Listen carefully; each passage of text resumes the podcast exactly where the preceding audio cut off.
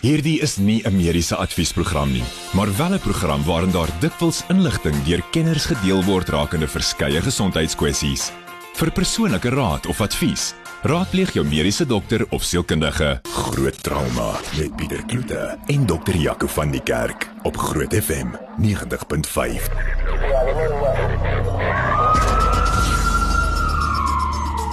Dit is lekker om hierdie Woensdag weer saam met jou te spandeer met groot trauma saam met Dr. Jaco van die Kerk, direkteur van Montana Montana se hospitaal se trauma eenheid, ook sy eie praktyk daarso en ook wel onbekend in Pretoria. Jaco, lekker dat jy ook weer hier is vanaand. Dankie Pieter, goeienaand aan almal by die huis. Daar was vir my gesê toe ek jonk was Jaco dat ehm um, as ek nie my groente eet nie, dan gaan ek nie kan nagereg kry nie. en ek wil by jou weet, daar's 'n artikel wat nou sê groente is wel goed vir jou, maar dit kan jou nou nie werklik teen kardiovaskulêre siekte beskerm nie. Wat gaan aan daar? Pieter, ek dink dis een van die baie goeie voorbeelde waar 'n mens kan 'n studie doen om te bewys wat jy graag wil hê mense moet glo. Ek dink ehm um, enige studie moet 'n mens gaan die voordele en die nadele en die manier hoe 'n studie gedoen is, ehm um, gaan gaan beoordeel en kyk of dit regtig 'n goeie studie is en of jy regtig kan glo. Ek sê altyd, jy weet, mense moet eers gaan kyk in die laaste bladsy wie die studie geborg om te kyk, ehm um, jy weet, is dit nie noodwendig dalk advertensie nie. Ehm um, maar wat hier gebeur het is dis 'n groot Britse studie wat dan gesê is die risiko vir hartsiektes sal nie noodwendig minder word as jy groente eet nie, maar wat hulle gedoen het is hulle het omtrent 400 000 mense gevat en hulle het dit oor 12 jaar hulle vordering in terme van gesondheid ehm um, nage nagevors en en en en opgevolg. En hierdie mense het letterlik in in getalle gewys twee opgehoopte eetlepels rou groente en drie opgehoopte eetlepels gaar groente per dag gemiddeld ingeneem. So 5 eetlepels, jy weet dit is nie eens 'n porsie nie. Nou dis baie baie min. Ehm um, as jy nou gaan kyk Dr Andrew Freeman, mede-voorsitter van die Amerikaanse College vir Kardiologie se voedsel en leefstyl werkgroep sê dis dis heeltemal te min. As mens gaan kyk, die Amerikaanse riglyne sê jy moet 1.5 tot 2 koppies vrugte en 2 tot 3 koppies groente per dag inneem, sure. dan maak dit 'n verskil. Want dan gaan jy ook meer versadig wees. Jy kan nou dink as jy net 5 eetlepels van iets inneem, dan gaan jy ander kosse eet. En dit is die groot vraag hier. As die mense so min groente eet, wat eet hulle dan anders wat dan 'n impak kan hê op hierdie studie? Is dit is dit dan proteïene of is dit ander koolhidrate? Ehm um, die ander ding wat mense ook in ag moet neem is nie net dieet het 'n invloed op mense se kardiovaskulêre gesondheid nie. Mense moet gaan kyk, het hierdie mense hoë bloeddruk, het hulle cholesterol, rook hierdie mense, het hulle familiegeskiedenis van van hartsiekte en daai goeters is nie mooi in hierdie studie nagevors en en opgevolg nie. So aan die einde van die dag dink ek nog steeds ehm um, daar is 'n professor in metabooliese medisyne by die Universiteit van Glasgow um professor Satar wat gesê het um die bevindinge in in in sy woorde is debatteerbaar en moenie invloed hê op die raad om um om om nie groente en vrugte per dag te eet nie ten minste dan nou 5 porsies nie. Um en dit is nog steeds gesond. Daar's nog steeds antioksidante in die groente en vrugte. Ek dink um mens moenie hierdie ding gaan lees en net dink um dit een eensydig gaan kyk na nie. Dit is 'n groot en dis dis eintlik 'n groter prentjie wat mense na moet kyk en dis 'n baie baie verwarrende artikel of tydskrif of, of eintlik studie. Hmm.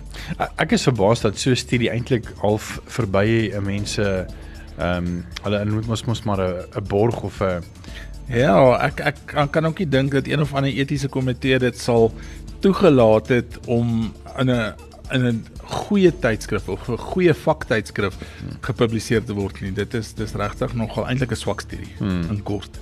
Ek dink as as mens wil bepaal weet as dit net miskien nog wil gedoen is byvoorbeeld vir 'n groenteboer om te bepaal hoe jy sommer moet die groente uh soos die rooi vleisraad byvoorbeeld mm. moet hulle nou bietjie meer bemark om te sê hoor jy in plaas van rys saam met jou vleis eet nou eerder bietjie wortels of so iets dan sou 'n vraelys soos hierdie miskien ook het gesê hoorie maar volgens hierdie vraelys is sê 50% mense hulle doen dit nie so kom ons doen iets daaroor maar ek, ek stem 100% saam met jou dink nie ek meen hoe weet hulle na 12 jaar mense het nie miskien ook bestaan en begin vergeet om om om te sê nie en mense weet ook maar weet ons almal het maar wit lintjie baie keer op 'n vraelys, weet. Nee, definitief. Dit kon 100% reg sê nie so. Definitief. En statistiek is is 'n baie baie snaakse ding. Mense kan statistiek redelik manipuleer ook afhangend van wat jy vir mense wil sê.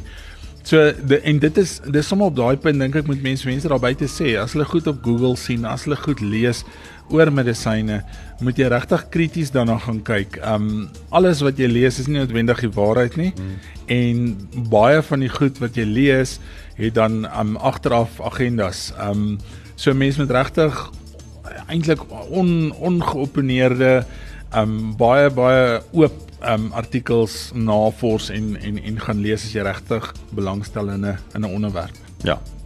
Dan dis dat wit studente um almal ontslaan is na 'n voorval in 'n eetsaal.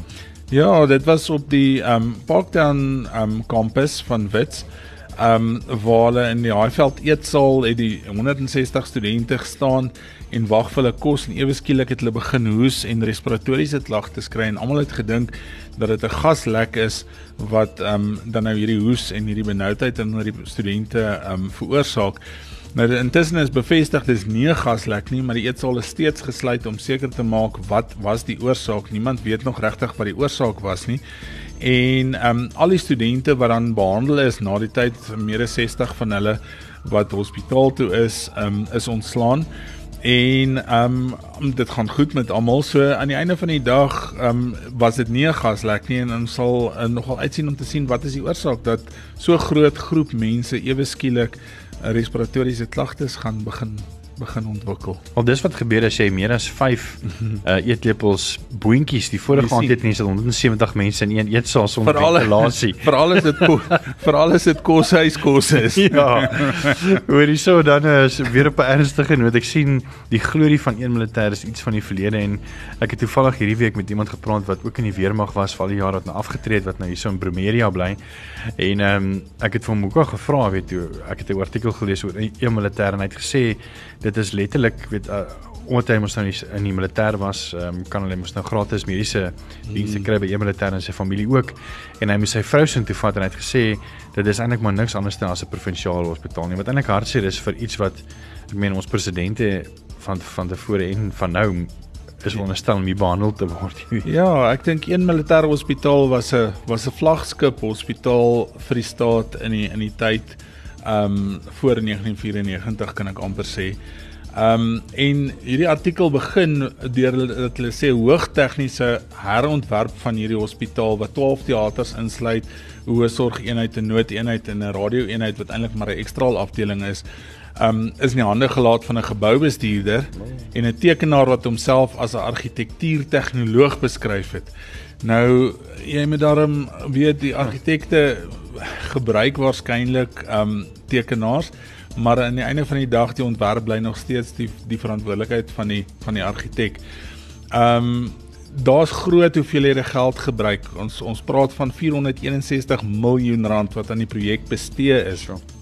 Die probleem is ehm um, die opknappingswerk was eintlik daar om die hospitaal, ek wil amper sê die Engelse woord te upgrade Um omdat dit uh, eintlik 'n trots militêre hospitaal was waar al die staatshoofde soos jy nou net gesê het, hoogwaardigheidsbekleers, militêre veterane en al, al die soldate van daai tyd dan nou behandel is.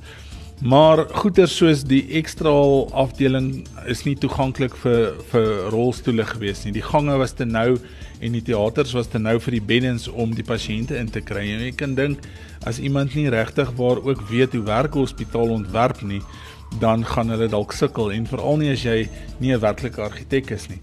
En dit is net hartseer om te dink dat jy 461 miljoen rand gespandeer het op 'n projek en in ehm um, ek dink dit is uh 2015 is die eerste verdieping wat hulle gebou het weer gesloop. Ag nee. Ehm um, jy weet so dis eintlik water wat jy of of geld wat jy in die water gooi en ehm um, aan die einde van die dag is dit 'n groot jy kan amper 'n hospitaal oorbou met daai tipe van geld en dis net omdat dit nie mense is wat regtig die werk kan doen mm. en opgelei is om so groot projekte ran wat dan in aan die stuur van hierdie ding was nie en dis waar nog 461 miljoen rand heen is. Jy weet, ek dink as die staatsdepartemente en politici net weer begin besin oor prosedures en die meer, dan sal hulle elke jaar se begrotingsrede van die minister van finansies baie makliker maak. Ja. Yeah. Uh en natuurlik vir ons as publiek om te glo in die werk wat hulle doen um, as politici en en regeringsamptenare, maar nietemin. Kom ons sluit uh, af met 'n um, 'n storie wat darm so 'n bietjie goeie nuus is uh, van die Oos-Kaap. Ja, die humanitêre organisasie Gift of the Givers sê dan Saterdag um begin met 'n mediese uitreik aksie in Touwsrivier in die breëre uh riviervallei in in die Kaap. Um en dis eintlik daar waar hulle nie mediese dienste het nie en waar mediese dienste ver is. Um dis 'n mediese kamp wat opgeslaan is. Dit is die grootste van sy soort in die geskiedenis van die dorp uh, Touwsrivier en hulle wil graag die gesondheid of die gift of givers wil graag die gesondheid van die van die persoon of die mense in daai area moniteer ook en gaan kyk hoe gaan dit regtig met die mense wat ver is um, en waar gewone mediese sorg ontoeganklik voor is. Um ons kyk na groot areas, ons kyk na Touwsrivier, Lensburg, te Dorings en die mense wat daar al rondgery het of deurgery het, weet, dis amper 'n dagreis ver tussen Touwsrivier en Lensburg byvoorbeeld. Um jy slaan jy jy jy ry en dan dink jy jy is net agter die bult en dan ry jy nog 2 ure ver en dan sien jy nog steeds liggies en dan ry jy nog 2 ure en dan kom jy eers daar uit. So daai mense, veral die plaaswerkers wat nie regtig vervoer het nie, sukkel regtig met met mediese sorg en gift of the givers het dan nou vir hulle die geleentheid gegee met 5 busse en 50 mediese vrywilligers um onder leiding van dan dokter Naim Kahandra dat um hulle dan nou mediese sorg beskikbaar het vir hulle in hierdie tyd. So well done for gift of the givers.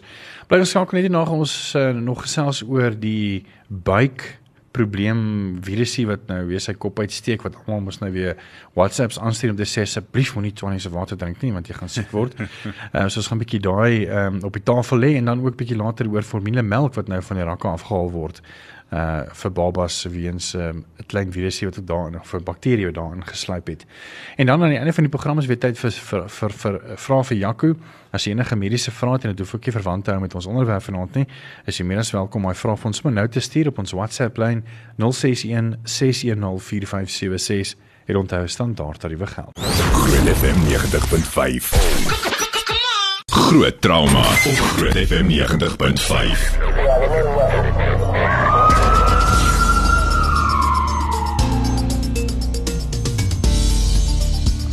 Welkom terug. Ek is Pieter Kloete saam met Dr. Jaco van die kerk wat saam die program aanbied elke Woensdag van tussen 8 en 9.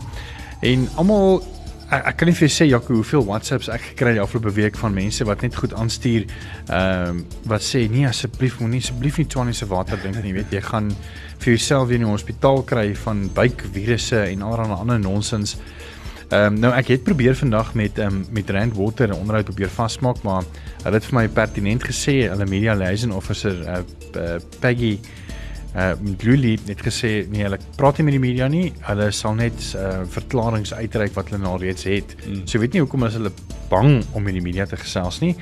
Uh en dan het ek ook probeer 'n uh, verskeie kere om gister en vandag met iemand van Swanie se sanitasie en water departement ehm um, uh aan die hande te kry maar daar was ook geen sukses nie. So Jaco, die onus lê net maar by jou om ons asseblief in te lig oor hierdie ehm um, natuurlik kan jy nou nie praat oor die munisipale water want ek moet ja. toetse gedoen word. Gelukkig nie. nie. Maar ja, gelukkig nie. Maar eh, kom ons begin miskien net om te sê wat wat is buiktifus en wat is tifus en moet ons bekommerd wees of is dit eintlik maar al die jare nog hierso nou omdat ons nou deur 'n virus is, dan ons nou al hierdie goed op, ek weet nie. Pieter, ek ehm um, dink as mens in die algemene taal word daarvan gepraat as buiktifus is vir my natuurlik 'n verskriklike lelike woord. Um ons verkies die woord tifoïed koors.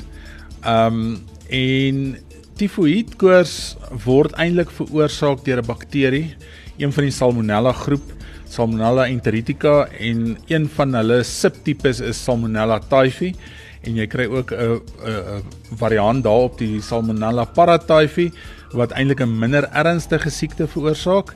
So die tifoïedkoors is nog altyd daar en dit word dan nou deur die die die die Salmonella veroorsaak. Die simptome is eintlik moeilik want dit begin enige iets tussen 6 dae tot 30 dae nadat jy geïnfekteer is. En hoe jy geïnfekteer word is ons praat van fekaal orale maniere man, of maniere of oordrag en dis maar om mense wat in swakker sosio-ekonomiese uh, toestande leef of in veilige toestande leef of water en kos wat dan besmet is in aanraking kom en dan word dit so um oorgedra van mens tot mens. Dit is tot nou toe nog nie bekend dat daar 'n ander diersoort is behalwe die mens wat dan ehm um, Salmonella typhica of tifoïedkoors kan kry nie. Ehm um, en die simptome varieer dramaties afhangend van persoon tot persoon, hoe lyk jou immuunstelsel en hoe lank in die siekteproses ehm um, jy al is of hoe ver in die siekteproses jy al is. So as 'n mens gaan kyk na die simptome daarvan, sal mense sê in die eerste week baie keer begin mense met hierdie malaise. Malaise is maar net 'n baie mooi woord vir hierdie moeg en lam en tam en lyfseer en spierpyn en gewrigspyn en jy jy voel of jy griep het, maar jy weet ook nie of jy regtig griep het nie. Ehm um, dan hoofpynne en dan 'n bietjie van 'n hoes. Daar's bloedveranderinge, maar gewoonlik ehm um, jou Widal toets wat gewoonlik gebruik word vir die vir die ehm um, toets van salmonella is dan nog negatief in hierdie eerste week. In die tweede week dan begin die mense soms met de mekaar uit. Hulle 'n uh, eh, veluitslag wat ons rou spots noem, maar rooi rooi uitslag. Ehm um, en dan begin hulle baie keer met longsimptome. Ehm um, waar hulle dan benoudheid kan kry, hulle begin hoes, hulle begin ehm um, long abnormale longklanke met met ehm um, met asemhaling en dan kry hulle ding wat ons hepatosplenomegalie noem. Met ander woorde, hulle lewer en hulle milt vergroot. Nou salmonella leef in 'n paar gedeeltes van die van die liggaam of vermeerder. Hulle ver, vermeerder in die limfnodes of in die limfklier, hulle vermeerder in die in die milt in die lewer, dis hoekom dit vergroot. En dan ook in die galblaas en die beenmerg en die bloed en dis hoekom ons dit in bloed kry. Um, maar 'n mens kan ook stoelgang gebruik. 'n Mens kan ook beenmerg gebruik um om te toets vir hierdie vir hierdie salmonella. En ehm um, ja, 'n groot persentasie van mense uh, sal gesond word. Ons het altyd chloramphenicol gebruik wat die antibiotika was daarvoor, maar omdat 'n mens baie neeweffekte gekry het en mense se tande so grys gemaak en dit is die ou antibiotika wat die tannies gaan sê die kinders se tande laat uitval het um, gebruik ons dit nie meer nie en ons gebruik ons gebruik deesdae meer jou konolone en jou um, makrolied antibiotikas maar dit is baie baie effektief Dit is ongelukkig so 'n klein persentasie van mense tot 'n jaar na die tyd nog steeds tifoïed of salmonella sal vrystel en dan hulle asymptomatiese draers en dis die probleem daarmee. Um, dat 'n mens as mens so uitbraak kry 'n jaar na die tyd nog steeds mense kan kry wat jy siek maak. En dis ook een van die redes hoekom Salmonella typhi of tifoid koors 'n uh, aanmeldbare siekte is in ons land. Net 'n vraag in in jou opinie. Ehm um, vir die afgelope 2 jaar kyk ons in Afrika is ons ek dink ons liggaam het gewoond geraak aan 'n uh, 'n bietjie meer van 'n vuil as ek as ek nou die woord kan gebruik. Ehm um, as mens kyk na ons leefstyle in vergelyking met die westerse wêreld daarbo in Europa, ja. was ons bietjie meer ehm um, blootgestel aan bakterieë en ek dink ons liggame het natuurlik dan bietjie meer van 'n weerstand gehad teen hierdie bakterie. Maar nou met COVID het ons letterlik ons moet ons hande saniteer by elke winkel wat jy instap, jy moet 'n masker dra. So vir 2 jaar het ons liggame nou nie meer eintlik regtig meer baie bakterieë gekry nie weens ons higiëniese leefstyl wat ons moes aanneem weens ja. COVID. Sal dit 'n mens miskien ook ook dink omdat daar 'n bietjie meer gevalle van dit is omdat mense liggaam nou nie meer gewoond is daaraan of iets nie, ek weet nie. Ja, ek dink tog Pieter, as 'n mens nie blootgestel word aan aan mikroorganismes of bakterieë nie, dan gaan 'n mens se immuunstelsel die die interneste hou daarvan om die woord wakker te gebruik, wakker word, nie. Met ander woorde, die oomblik wat jy in kontak kom met die bakterieë, dan sal jou jou immuunstelsel reageer deur antiliggame te maak. En as ons nooit daarmee in aanraking kom nie, gaan ons nie soveel antiliggame maak nie. En ons het as mens dink net aan die aan die aan die COVID pandemie in die begin, die eerste wêreld lande, die skoon lande, is die swaarste getref omdat daai mense nie gewoond is aan blootstelling teenoor mikroorganismes. Het sy virus, bakterie, parasiet maak nie saak nie. En ek dink definitief dit het 'n groot effek op ons ook. Ehm um, daar is 'n vaksin beskikbaar wat nie 100% nie, maar baie goeie beskerming bied teen tifoïed. En ek dink ons gaan maar na 'n tyd toe wat wat 'n mens dit ook gaan moet kry. Um by die debat van van alle vaksines. Um maar daar's definitief 'n manier om regtig ons nog steeds te beskerm al is ons um eintlik bietjie naïef vir hierdie vir hierdie organisme op hierdie stadium. So is daar rede tot kommer. Ek meen wat moet mense doen maar net as hulle voel hulle dan weet daai simptome wat jy genoem het, maar net dokter toe gaan dadelik. Ja, die probleem is as mense na die simptome kyk in die begin veral dis dis baie wyd nê nee, want hmm. alles wat infeksie gee maak koors, moegheid, hoofpyn, braaking, maagkrampe. Ehm um, en ek meen malaria kan so lyk. Like. Hmm. Gewone gastro kan so lyk. Like. Ehm um, So ja, ek dink 'n mens moet gaan as 'n mens siek is en mens word nie beter nie en dit word net erger, gaan na 'n dokter toe en laat hy toets.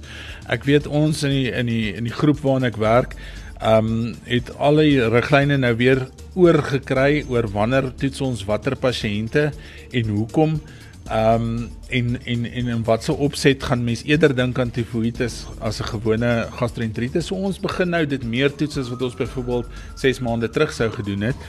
Ehm um, maar gaan jou dokter toe as jy siek word. Ehm um, dit is so, dit is 'n aanmeldbare siekte. Dit is so mens moet bekommerd wees as dit uitbreek. Dit is nie altyd so dat dit net in die water is nie. Jy weet, ehm um, so ek wil nie voor vir of teen die die metro praat nie, maar ehm um, dit is so dat net dood eenvoudig mense wat swak higiëne het, dit ook kan oordra en dit is maar die hoofoorsaak van hierdie siekte. Dis tyd vir Janko se mediese minuut. Ons het nou nou gepraat oor groente en ons het die studie eintlik redelik uitmekaar uitgehaal oor moet jy groente eet en gaan dit jou gesond maak. Um en kardiovaskulêr gesond hou. Maar deel van kardiovaskulêre gesondheid is ook gewigsverlies en om om eintlik 'n gesonde liggaamsmassa indeks te hê. Nou die vraag altyd by mense is as ek nou wil gewig verloor, moet ek nou net begin oefen en begin draf of stap of wat ook al jy wil doen? En die antwoord is nee. Um 'n groot gedeelte van jou gesondheid hang af van dit wat by jou mond ingaan, jou dieet.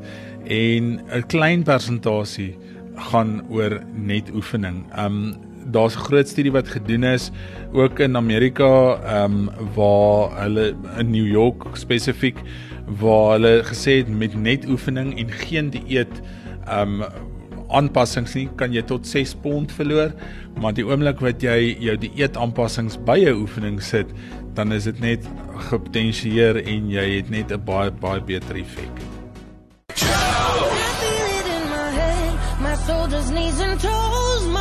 Groot FM 90.5 Groot trauma. Op Groot FM 90.5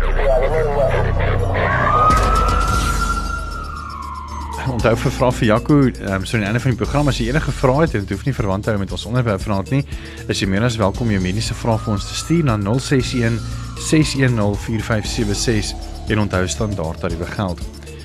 Jaco, ek dink nog iets val vir mense wat uh, jong babatjies het ehm um, en wat tans vir hulle 'n bietjie van 'n alternatief gee teen uh, vir borsmelk. Hmm dat hulle nou moet maar kyk van wat hulle gebruik van ons nou 'n produk Similac Alimentum wat 'n ja. moontlike probleem het ook vir bakterie.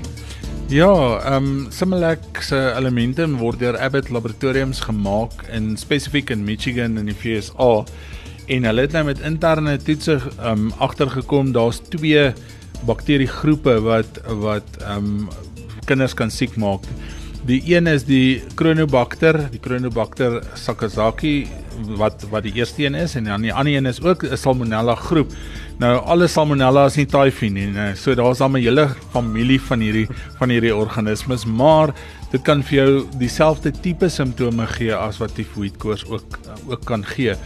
Um ek is mal oor hierdie oor hierdie bakterieë se name want dit voel vir my dit so half dit is dis dis net amazing, hè. Ek dink nie dit is um Dis sulke mooi name, is baie meer beter name wat wat vir hulle uitgedink is as wat vir ons gegee is. Hmm. Maar ehm um, aan die einde van die dag dit is so dat hierdie kinders kan siek maak. Dit kan op poeiermelk, baba formule, droë kosse leef. Dit kan op stysels leef sonder om vogtig te wees.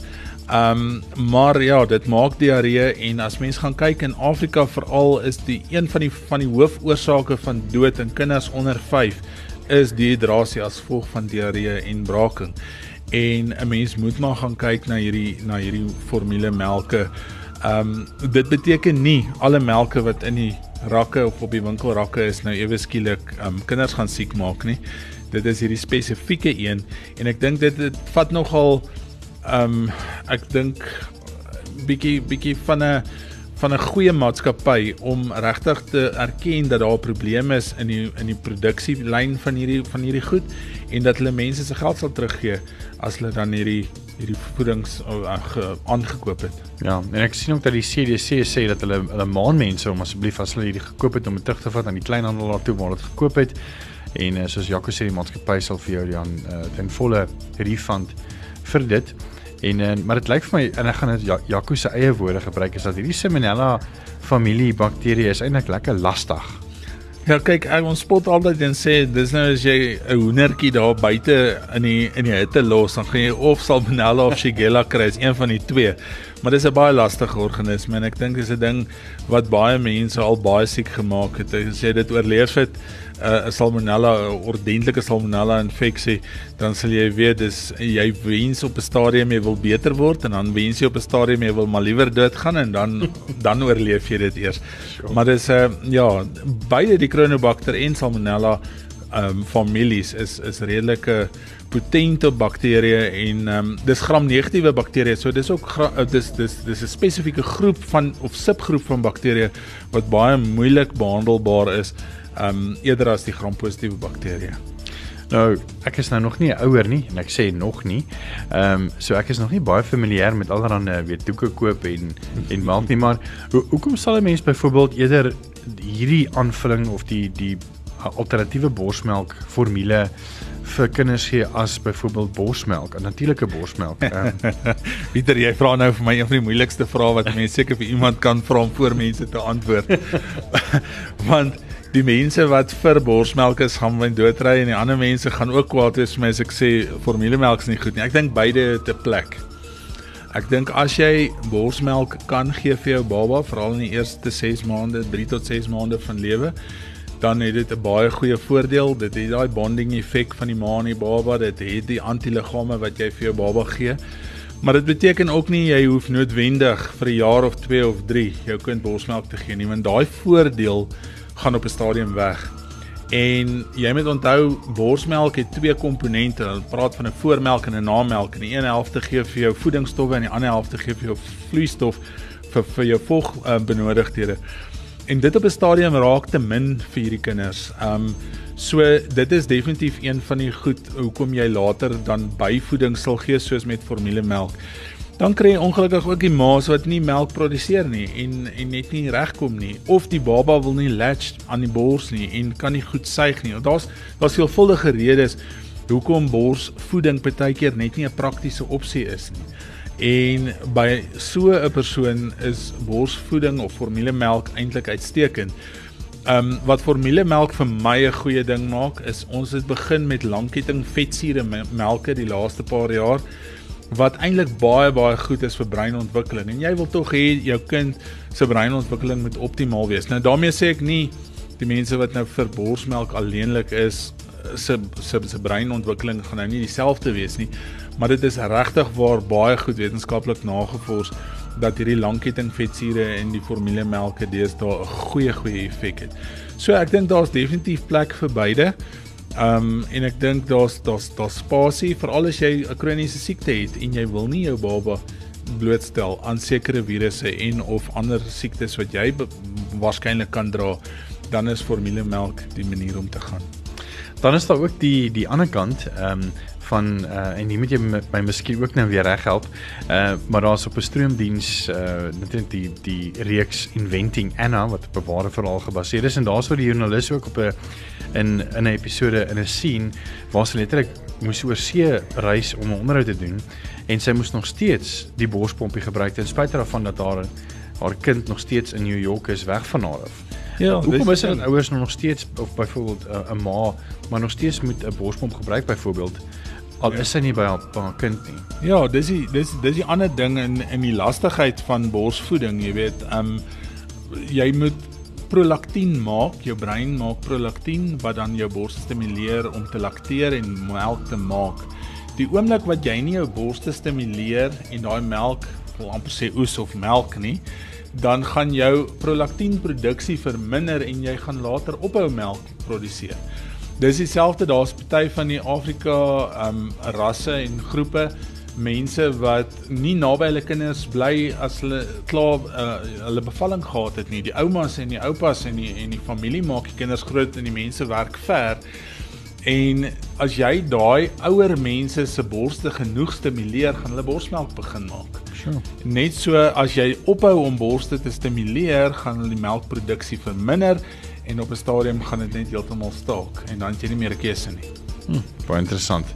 Net hier nou ons is terug en ons het vra vir Jaco as enige mediese vrae het, stuur dit vir ons nou by 061 610 4576 en onthou standaard tariewe geld. Love the love the way. Groot FM 90.5.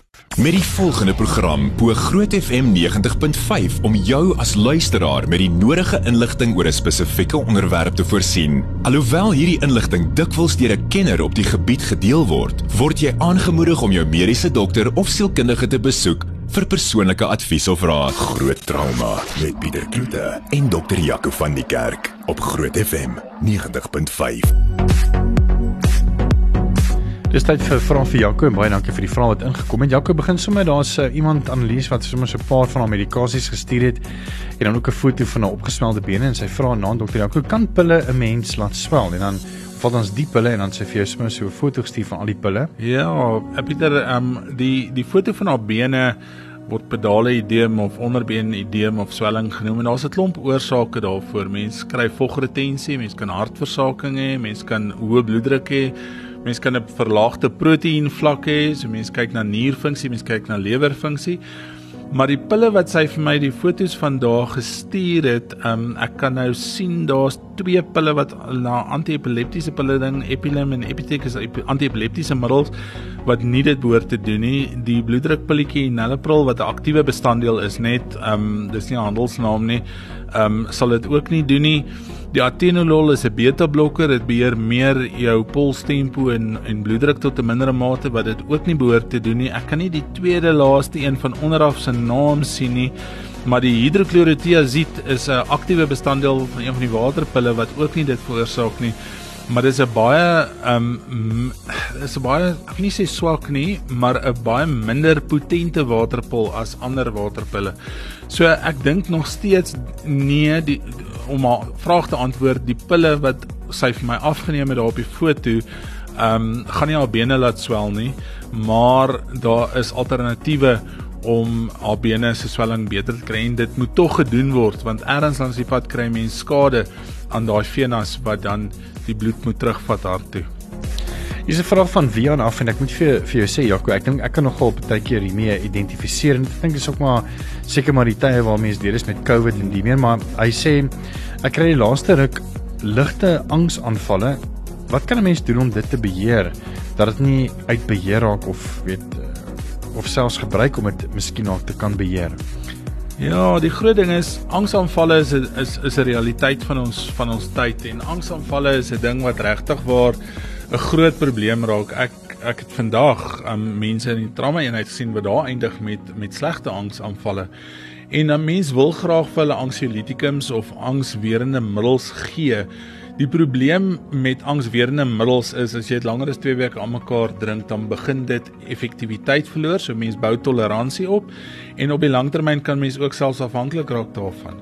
Um omdat jy toleransie opbou, sal jy later meer en meer nodig hê om dieselfde effek te hê en dis hoekom ek dink nie um, anxiolytikums is op 'n langtermyn basis 'n antwoord nie. Um die die kort en die lank is mense moet gaan kyk wat gee vir jou die angs en dit probeer benader van van 'n punt af. Dis die een ding. Die tweede ding is ek dink tog daar is streshanteringsvaardighede wat 'n mens kan leer. Daar's boeke, daar's selfhelpboeke wat 'n mens kan gebruik of of die sielkundiges en dan is daar ontspanningsterapie wat ek dink baie baie belangrik is. Ook selfhelpboeke, maar ook by die sielkundiges baie baie goed beskikbaar en ek dink ontspanningsterapie en streshanteringsvaardighede is baie belangriker as as die pil. Um ons is geneig om medisyne om baie maklik vir iemand iets voor te skryf en dit voel vir my baie keer, yes, like as ek nie 'n voorskrif kan skryf nie, het ek daai ou dalk nie goed behandel nie, jy weet, maar dit is nie altyd die antwoord nie. Korttermyn definitief. Korttermyn um, om en en van tyd tot tyd, mense kry dae wat mos beter is en dae wat slegter is. Ehm um, so as 'n mens op 'n soos nodig basis dit gebruik, by al mens dan kan mens die anxiolytikums gebruik, maar nie vir 'n kroniese behandeling nie. Ja, kan jy op nie waar staan slaapterapie in by byvoorbeeld angsterapie? slaapbehandeling of is dit twee verskillende goed? Ja, ek dink dis dis twee verskillende goed. Slaapterapie is 'n ding wat ek dink relatief al effens verouderd is. Daar's min mense wat dit nog doen as 'n aktiewe behandelingsmodaliteit. Obviously ons almal het slaap slaap slaap nodig en goeie slaap nodig en goeie slaapkwaliteit nodig.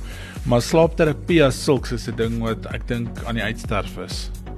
En dan vra weer ook net waar kan 'n mens dan spanningterapie doen? Ek dink jy het dit geantwoord. Ja, ek dink ehm um, die meeste sielkundiges, kliniese sielkundiges gaan definitief uh, vir 'n mens kan help daarmee, maar jou dokter weet ook hoe om spannings ehm um, terapie of ontspanningsterapie te doen. Ehm um, so as jy nie voel jy wil graag 'n sielkundige gaan sien daarvoor nie, jou gewone huisdokter gaan ook vir jou kan help met die tegnieke van ontspanningsterapie en dit is dis dis eintlik baie maklik en jy kan dit doen by jou werk in werkstyd. Dit vat jou 'n paar sekondes as jy daai angstige gevoel kry en dit werk regtig waar effektief. Dan 'n vraag af en ek gaan maar die persoon se naam nie noem nie ten spyte daarvan dat die hmm. persoon sy naam bygesit het. Maar die persoon vra na dokter ek wil hoor wat kan ek gebruik om meer seksueel aktief te wees? Ek is 59 jaar oud, ek het hoë bloeddruk, suiker en ek drink uh, antidepressante pille wat veilig is? Ja, ek dink daar's daar's 'n paar goeters. In die eerste gedeelte van sy vraag is wat kan ek gebruik om meer seksueel aktief te raak?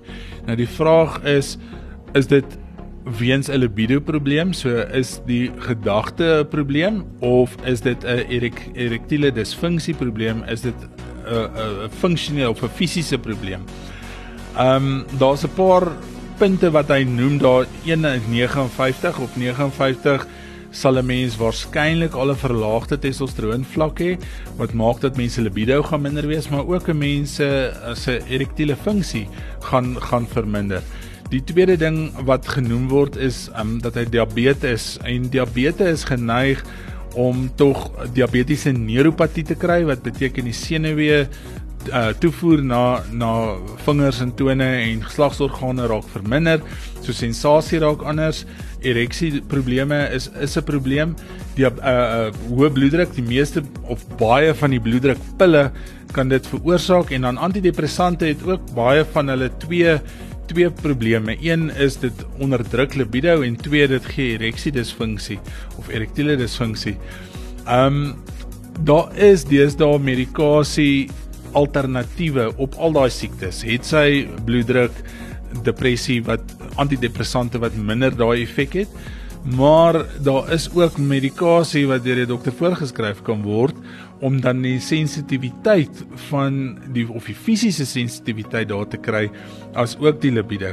Maar dis belangrik om die oorsaak te gaan kyk. Is dit 'n testosteroon probleem? Is dit die diabetes, die bloeddruk of die antidepressant? En dis waarskynlik 'n kombinasie bietjie van van almal en dan moet mense almal gaan kyk maar dit is 'n oorkombare probleem en dit is 'n ding wat mense net van 'n punt af moet moet gaan gaan gaan ondersoek en een vir een ding gaan verander totdat die die probleem dan opgeklaar is.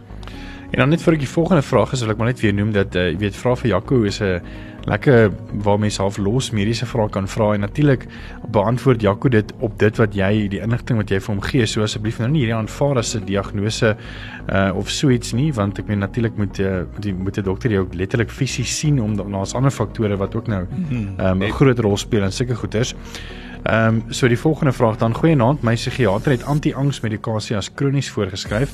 Moet ek dit neem op 'n soos nodig basis? Ek is bipolêr. Mm, en en daar's die daar's die antwoord. Die antwoord is nee, jy moet dit neem op 'n kroniese basis. Bipolêre bipolariteit of bipolêre persone ehm um, moet nie op enigiets op 'n soos nodig basis neem nie. En meeste psigiatriese medikasie moet 'n mens nie op 'n soos nodig basis neem nie. Die rede hoekom ek nou-nou gesê het van die angsgoeters op soos nodig is. Ons almal is nie heeltyd angstig nie en ons hoef nie alle angsmiddels as mens nie 'n psigiatriese siekte of onderliggende siekte het hoef 'n mens nie permanent op angswerende goed te wees nie.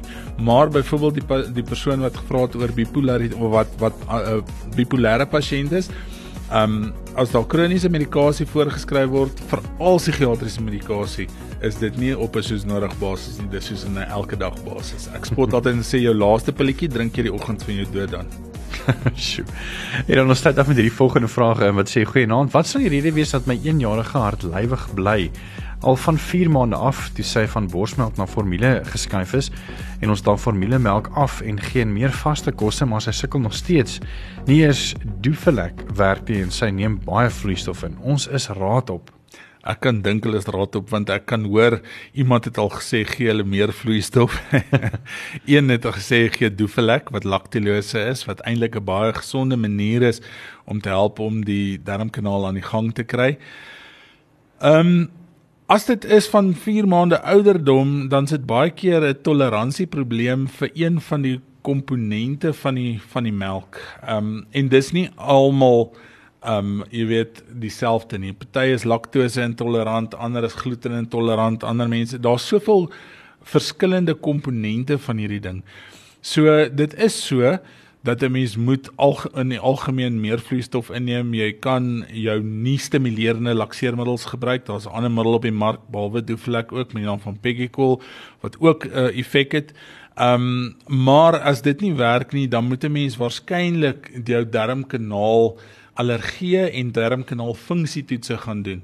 Ehm um, wat selfs kan insluit 'n biopsie na kolonoskopie by 'n pediatriese chirurg. So as dit regtig 'n groot probleem is en mens kry nie die antwoord met die natuurlike manier van voginname en nie stimulant lakseermiddels nie, dan het mens waarskynlik dalk 'n endoskopiese ondersoek by 'n pediatriese chirurg nodig om te kyk is daar nie 'n funksieprobleem van hierdie darmkanaal nie en dan die ander helfte is dan die die sensitiwiteit van die van die ehm um, die formulemelk se se bestanddele. Dis dit vir groot trauma vanaand. Baie dankie weer eens aan dokter Jaco van die kerk, direkteur van die trauma eenheid by Montana Med 24 daar eh, in Montana. Hy het ook sy eie praktyk en ehm um, ja, so kon ek hom gerus. Ons is volgende week weer terug met groot drama tussen 8 en 9 en ons gaan dan bietjie hopelik gesels bietjie ook oor 'n baie sensitiewe saak ehm um, met 'n uroloog, maar meer daaroor volgende week. Groot FM 90.5.